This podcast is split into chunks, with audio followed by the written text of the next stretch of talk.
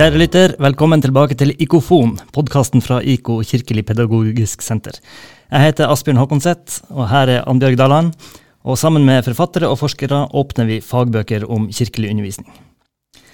I denne andre episoden, akkurat som i første episode, så er det ei bok i Prismeserien, IKO-forlagets bøker med fagfellevurdert forskning, som er tema. Ja, denne boken heter Forkynnelse for barn og voksne en studie av syv gudstjenester i trosopplæringen. Hjertelig velkommen til eh, gjestene våre, professor Tone Stangeland Kaufmann og førsteamanuensis Linn Sæbø Rystad. Takk, takk. Takk, takk. Dere jobber begge i seksjon for praktisk teologi ved MF Vitenskapelig høgskole.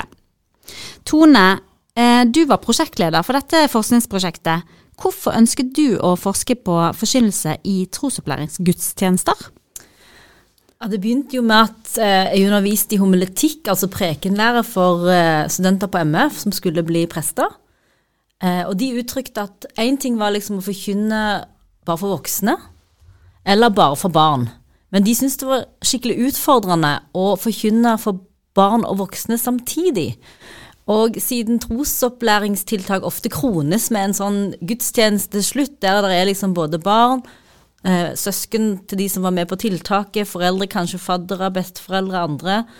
Eh, så er det en type situasjon da, der predikanten skal forkynne til et veldig bredt spekter av, eh, av tilstedeværende.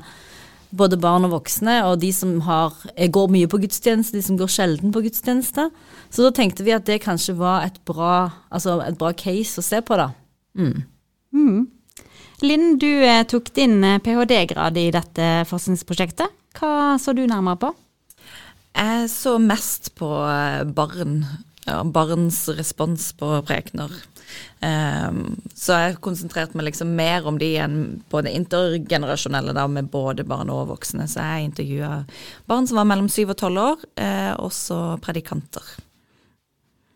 Og dette forskningsprosjektet ble da til eh, et prosjekt der dere så på hvordan skjer og erfares forkynnelse som praksis i gudstjenester der trosopplæringstiltak inngår. Og målet var å se på å få en vid forståelse av prekenhendelsen, både forberedelse, gjennomføring og erfaring. Eh, dere så på da syv ulike gudstjenester hvor det har vært forkynnelse for barn og voksne samtidig. Hva er typisk for en sånn eh, gudstjeneste? Eh, det er typisk at det er et dramastykke. Det er typisk at predikanten har med seg ulike artefakter, ting og tang. Eh, at en prøver å gjøre forkynnelsen liksom gøyal, appellerende. At man trekker ut et enkelt type en setning, et minneord, som noen sa en setning man skal huske, f.eks. 'Jesus er vår redningsmann', eller 'Jesus åpner veien til himmelen', eller 'Jesus er din venn', um, så bruker de ikke prekestolen. Det òg er typisk. Mm. Um, og ellers er det jo typisk at ungene er involvert i gudstjenesten på mange forskjellige vis, da. Um, ja. Men kanskje Ja, det er jo mye å si mer om dette med hva som er typisk. Men en annen ting kommer jeg på, det er òg at selv om om man har liksom en gøyal form, så kan det teologiske innholdet være ganske komplekst. Som er skjult bak en sånn setning om Jesus er den redningsmann, f.eks. For Man forutsetter at de som lytter, forstår ganske mange teologiske forestillinger eh, som, som, blir tatt litt for gitt bak en litt sånn enkel form. Kan, kan jeg bare spille videre på det? Mm. Eh, ja, for, for, jeg tenker at det, i det Tone sier der, så er det jo også ganske mye eh, som man tenker at man må gjøre, da. Mm. Eh, så det er òg litt typisk for sånne, sånne type gudstjenester. At man har ganske mange sånne normer som på en måte ligger i praksisen et eller annet sted.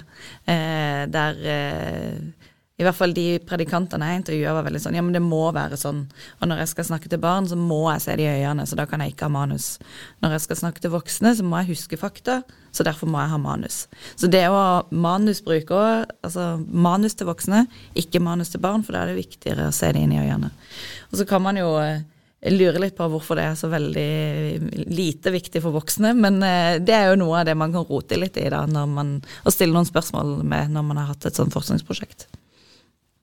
Jo, jeg kan ta et eksempel på det. Ja, gjerne. Fra et av kapitlene um, som Kristin Graff Kallevåg og Jan Olav Henriksen har skrevet, så uh, så bruker predikanten kaptein Sabeltann og sier liksom at uh, på samme måte som uh, Pelle og Pysa i Kaptein Sabeltann, disse uh, sjørøverne, de måtte gå planken når Sabeltann ble sint på dem. Og så bruker predikanten dette og sier at men Jesus han går, er den som går planken for oss. Og det, det kan man jo på et eller annet vis forstå hvis man er innsatt i en type forsoningsteori som snakker om den Jesus som stedfortredende går i døden for menneskene. Men hvis man ikke vet det, så det sånn, kan det bli litt rart. Man vet ikke hvorfor må noen gå planken for deg. Hvem er Gud som sier det? Er Gud liksom, er Kaptein Sabeltann plutselig et bilde på Gud? Og så videre. Og det, det ligger jo på en måte som ganske komplekse og krevende, vanskelige teologiske forestillinger, mens, mens formen er morsom. Sant? Og alle ler fordi det er Kaptein Sabeltann. Og det er ingen av de vi intervjuer som reagerer på det heller. De syns jo bare dette var en kjempebra preken. Eh, og de, altså, Kaptein Sabeltann-universet appellerer jo til folk i forbindelse med både karneval og eh, Dyreparken og mye sånt. Så det er det, det, skaper en god stemning, selv om det ligger teologi, potensielt krevende teologi i bunnen der. Ja, Var det noen som fikk med seg eh, budskapet som lå bak eh, Kaptein Sabeltann? Ja, det gjorde de. Mm, det er jo noen som er godt innsatt i den type kristen teologi, så noen av de syns jo dette var veldig oppbyggelig. Eh, absolutt. Um, de, de, hadde jo ulike måter å interagere med denne prekenen på. Men hva kan gagne forkynnelse for eh, barn og voksne samtidig, når du forbereder en preken? Altså, Noe av det jeg fant, var jo at vi kanskje av og til tenker litt for mye på målgruppe. At Tenker for mye på målgruppe. ja. At vi, at vi har liksom kjørt oss litt fast i en sånn Ok, men nå er det de og de og de jeg skal preke til. Da må jeg tenke sånn, da må jeg gjøre sånn, da må jeg gjøre sånn. Mens eh, det er litt Særlig når en da skal ha med barn, så er det litt lett å tenke at ja, men eh, i dag kommer det en gjeng med syvåringer. Ok, syvåringer, det har jeg lært i utviklingspsykologien, de er sånn her. Eh, og da, da, er det en god del ting jeg må ta vekk. Jeg kan ikke være for abstrakt, f.eks., er det mange som snakker om. Jeg må være mer konkret. Og så er det mye riktig i det, men syvåringer er jo akkurat like forskjellige fra hverandre som 40-åringer eller 70-åringer er forskjellige fra hverandre.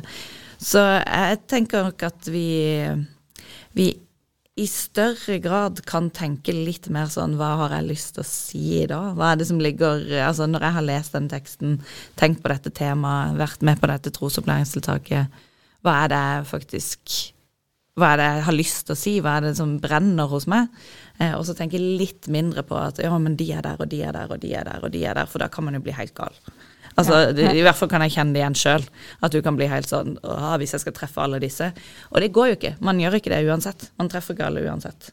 Eh, så å slappe kanskje litt mer av med at jeg kommer ikke til å treffe alle uansett. Hva er det jeg har lyst til å si da? Det har jeg tenkt på. Jeg tenker òg at uh, bibelfortellingene er kanskje litt undervurdert der. De er jo ofte veldig både komplekse og interessante og spennende.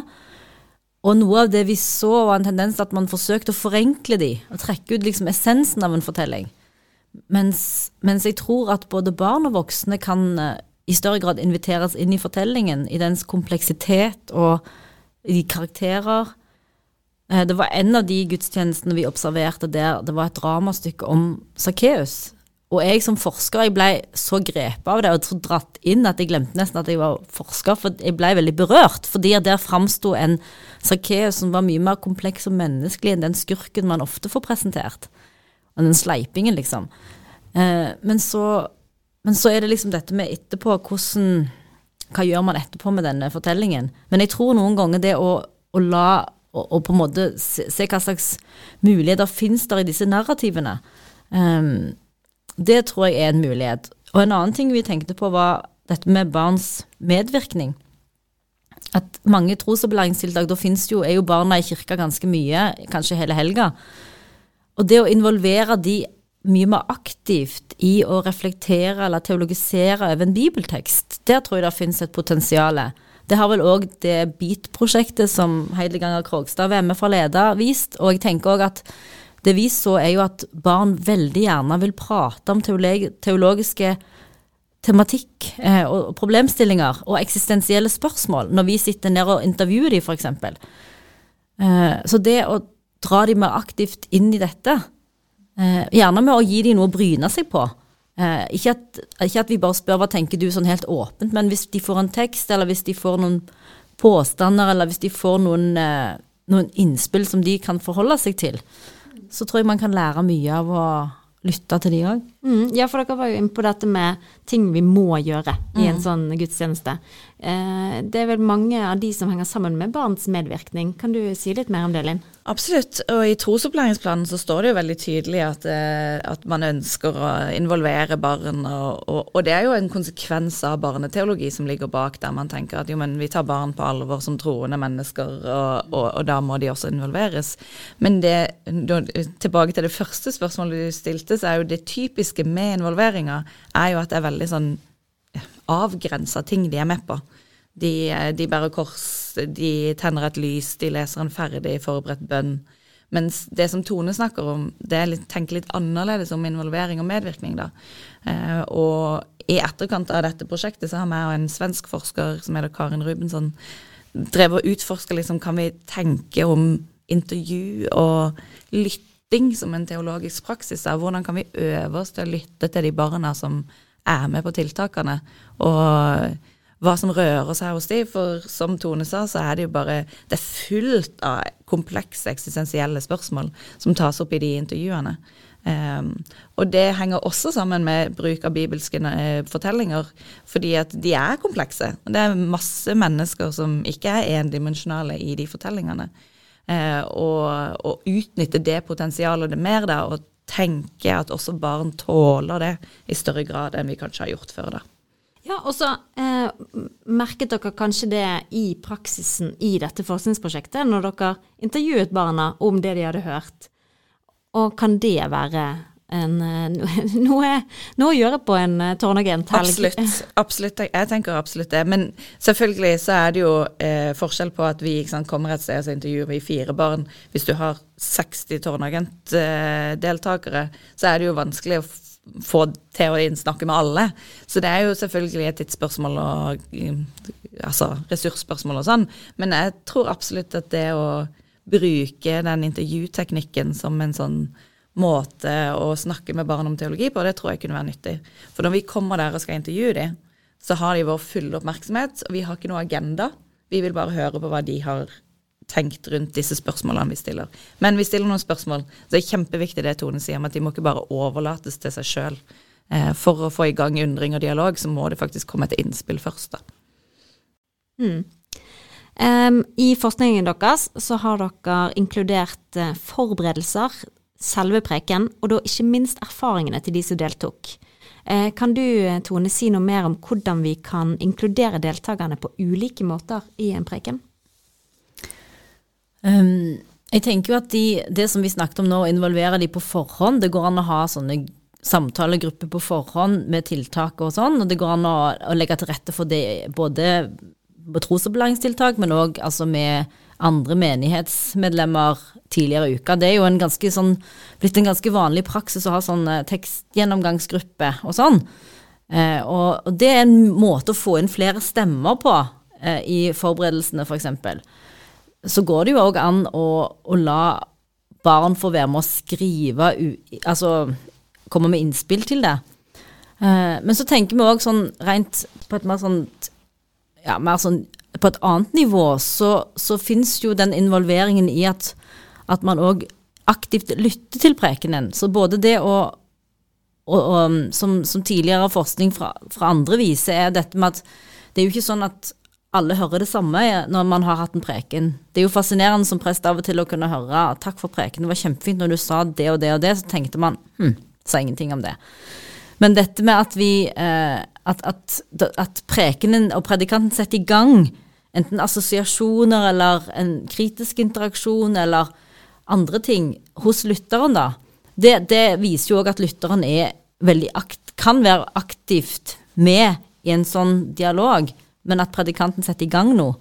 Eh, og det så vi når vi intervjua lyttere, at de har jo interagert med prekenen på ulikt vis som lyttere, da.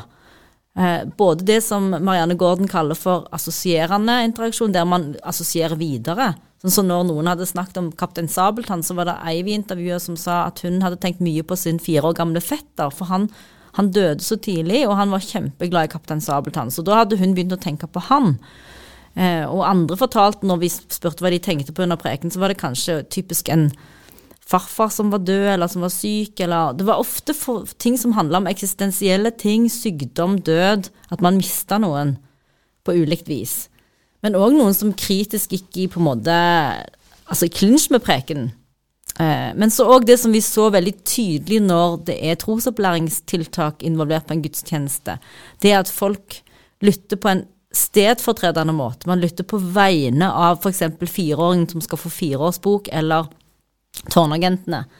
Og det, var, det så vi òg at eldre barn vi intervjua sånn i typealderen 10 til 12, de kunne lytte på vegne av disse fireåringene og si ja, vi tror dette var en veldig bra måte å fortelle denne Sakkeus-fortellingen for fireåringene, eller for de små, da, liksom.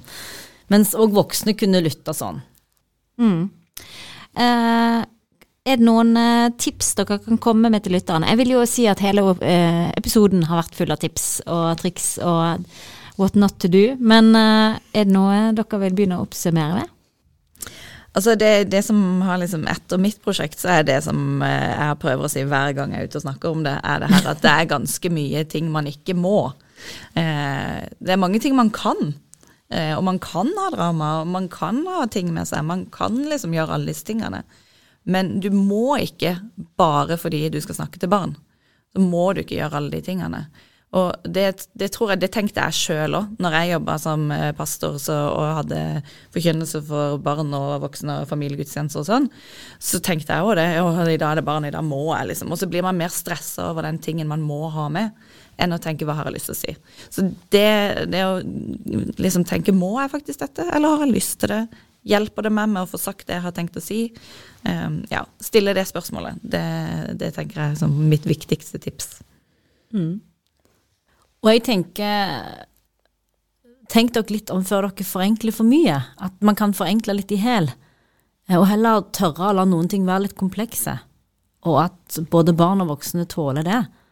For at eh, det var spennende å intervjue dype 70-årige faste kirkegjengere som var på en gudstjeneste der målgruppa var fireåringer, og der de kunne si liksom åh, oh, nå hørte jeg noe nytt i denne fortellingen, nå, nå fikk jeg noe å reflektere over. Um, dette var meningsfullt, liksom. Uh, og det tenker jeg det er det mulighet for å gjøre. Um, men, men, å la bibeltekstene få lov å åpne seg, og ja, rett og slett uh, og, ja, og, og, på en måte undre seg over bibeltekstene, og det å tørre å la seg forstyrre litt. Altså noe som, som, på en måte bryter litt. Jeg husker et av de dramastykkene vi så på, det var, der, det, det var når Jesus mette 5000 pluss barn og kvinner ødemarka. Og så var det liksom dramastykket den jenta som ikke ville dele nistepakka si. Og da var det liksom eh, det ble den brytningen, når du er så vant til å høre denne gutten med på en måte fisken og brød, liksom, så kommer det noe som forstyrrer litt. Det kan ofte være en, en bra ting. Mm. Og så bare sånn helt sånn til slutt, vi har allerede snakka litt om det, vi har ikke sagt det kanskje helt tydelig, men at vi har sett på hele Altså prekenen er ikke ferdig når predikanten har sagt noe. Det Lytterne må også inn i det som jeg i hvert fall kaller preken som en praksis. da. Mm. Sånn at det å lytte er ikke å sitte passivt og ta imot noe, det er aktivt, det engasjere seg, det er en handling. Man gjør noe når man lytter. Og veldig ofte så gjør vi noe mer enn å bare lytte, vi tolker eller appliserer det og sånn. Eh, og tenker at alle barn som inviterer seg trosopplæringstiltak, vet ikke nødvendigvis det. Eh, så liksom være litt obs på hva slags praksis er det vi inviterer det inn i. Det kan også være en god idé. Mm. Mm. Asbjørn, kan du oppsummere helt til slutt? Ja, jeg sitter her og har en eh, assosierende interaksjonsform. For jeg sitter og tenker på de gangene jeg har hatt eh, prekenforberedelser på trosopplæringstiltak og i konfirmasjonsarbeid. F.eks. når jeg har på tårnagenthelg spurt tårnagentene hva er det dere ser som er spesielt interessant i denne fortellinga? Og sammen med konfirmanter og fortellinga om uh, kvinner som salva Jesu føtter, hva er det med den kvinnen som kom inn, som vi kan kjenne oss igjen i, som vi kan identifisere oss med? Og hva er det i den uh, mannen som sitter og ser på, fariseeren Simon som vi kan eh, identifisere oss med. Og så har de svart eh, på begge de to karakterene, da, og svart hva som eh, Gitt deres tanker, og gitt grunnlaget for en hel preken. Det har vært veldig interessant. Men så har jeg videre et spørsmål til deg, Annbjørg. Hva skal vi gjøre hvis vi skal få vite mer om eh, forkynnelse for barn og voksne? Eh, da eh, er det flere måter å gjøre det på. Fordi at vi eh, hadde et eh, webinar i forbindelse med lanseringen av den boken i vinter, eller i februar ca. Eh, det ble holdt på MF, men da tok vi det opp. Så da, hvis du vil gå enda mer sånn faglig inn i disse spørsmålene, så er det bare å følge med på det. Det ligger på ik.no slash webinar. Og så finner du selvfølgelig boken i nettbutikken vår på ik.no. Tusen takk til Tone Stangeland Kaufmann og Linn Sebe Rystad for at dere har hjulpet oss å åpne boka deres. I neste episode er det småbarnssang og musikkpedagogikk som er tema i Ikofon, når Hilde Svela kommer for å fortelle om sangene sine i heftet Du er dyrebar. Vi høres da.